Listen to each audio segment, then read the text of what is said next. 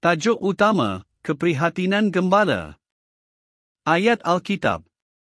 Tuhan ialah gembalaku, aku tidak akan kekurangan apa-apa pun.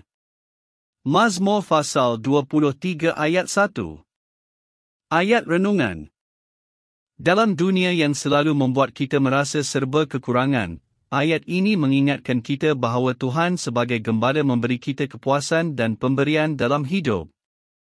Seperti seorang gembala yang menjaga setiap keperluan dombanya, begitu juga Tuhan menjaga dan menyediakan segala keperluan kita. Luangkan masa hari ini untuk merenungkan cara yang Tuhan berikan dan pimpin anda sehingga hari ini. Mari ikut saya berdoa. Ya Tuhan, terima kasih kerana Engkau adalah gembala saya. Saya berserah sepenuhnya kepada pemeliharaan dan pengaturan-Mu dalam hidup saya. Amin.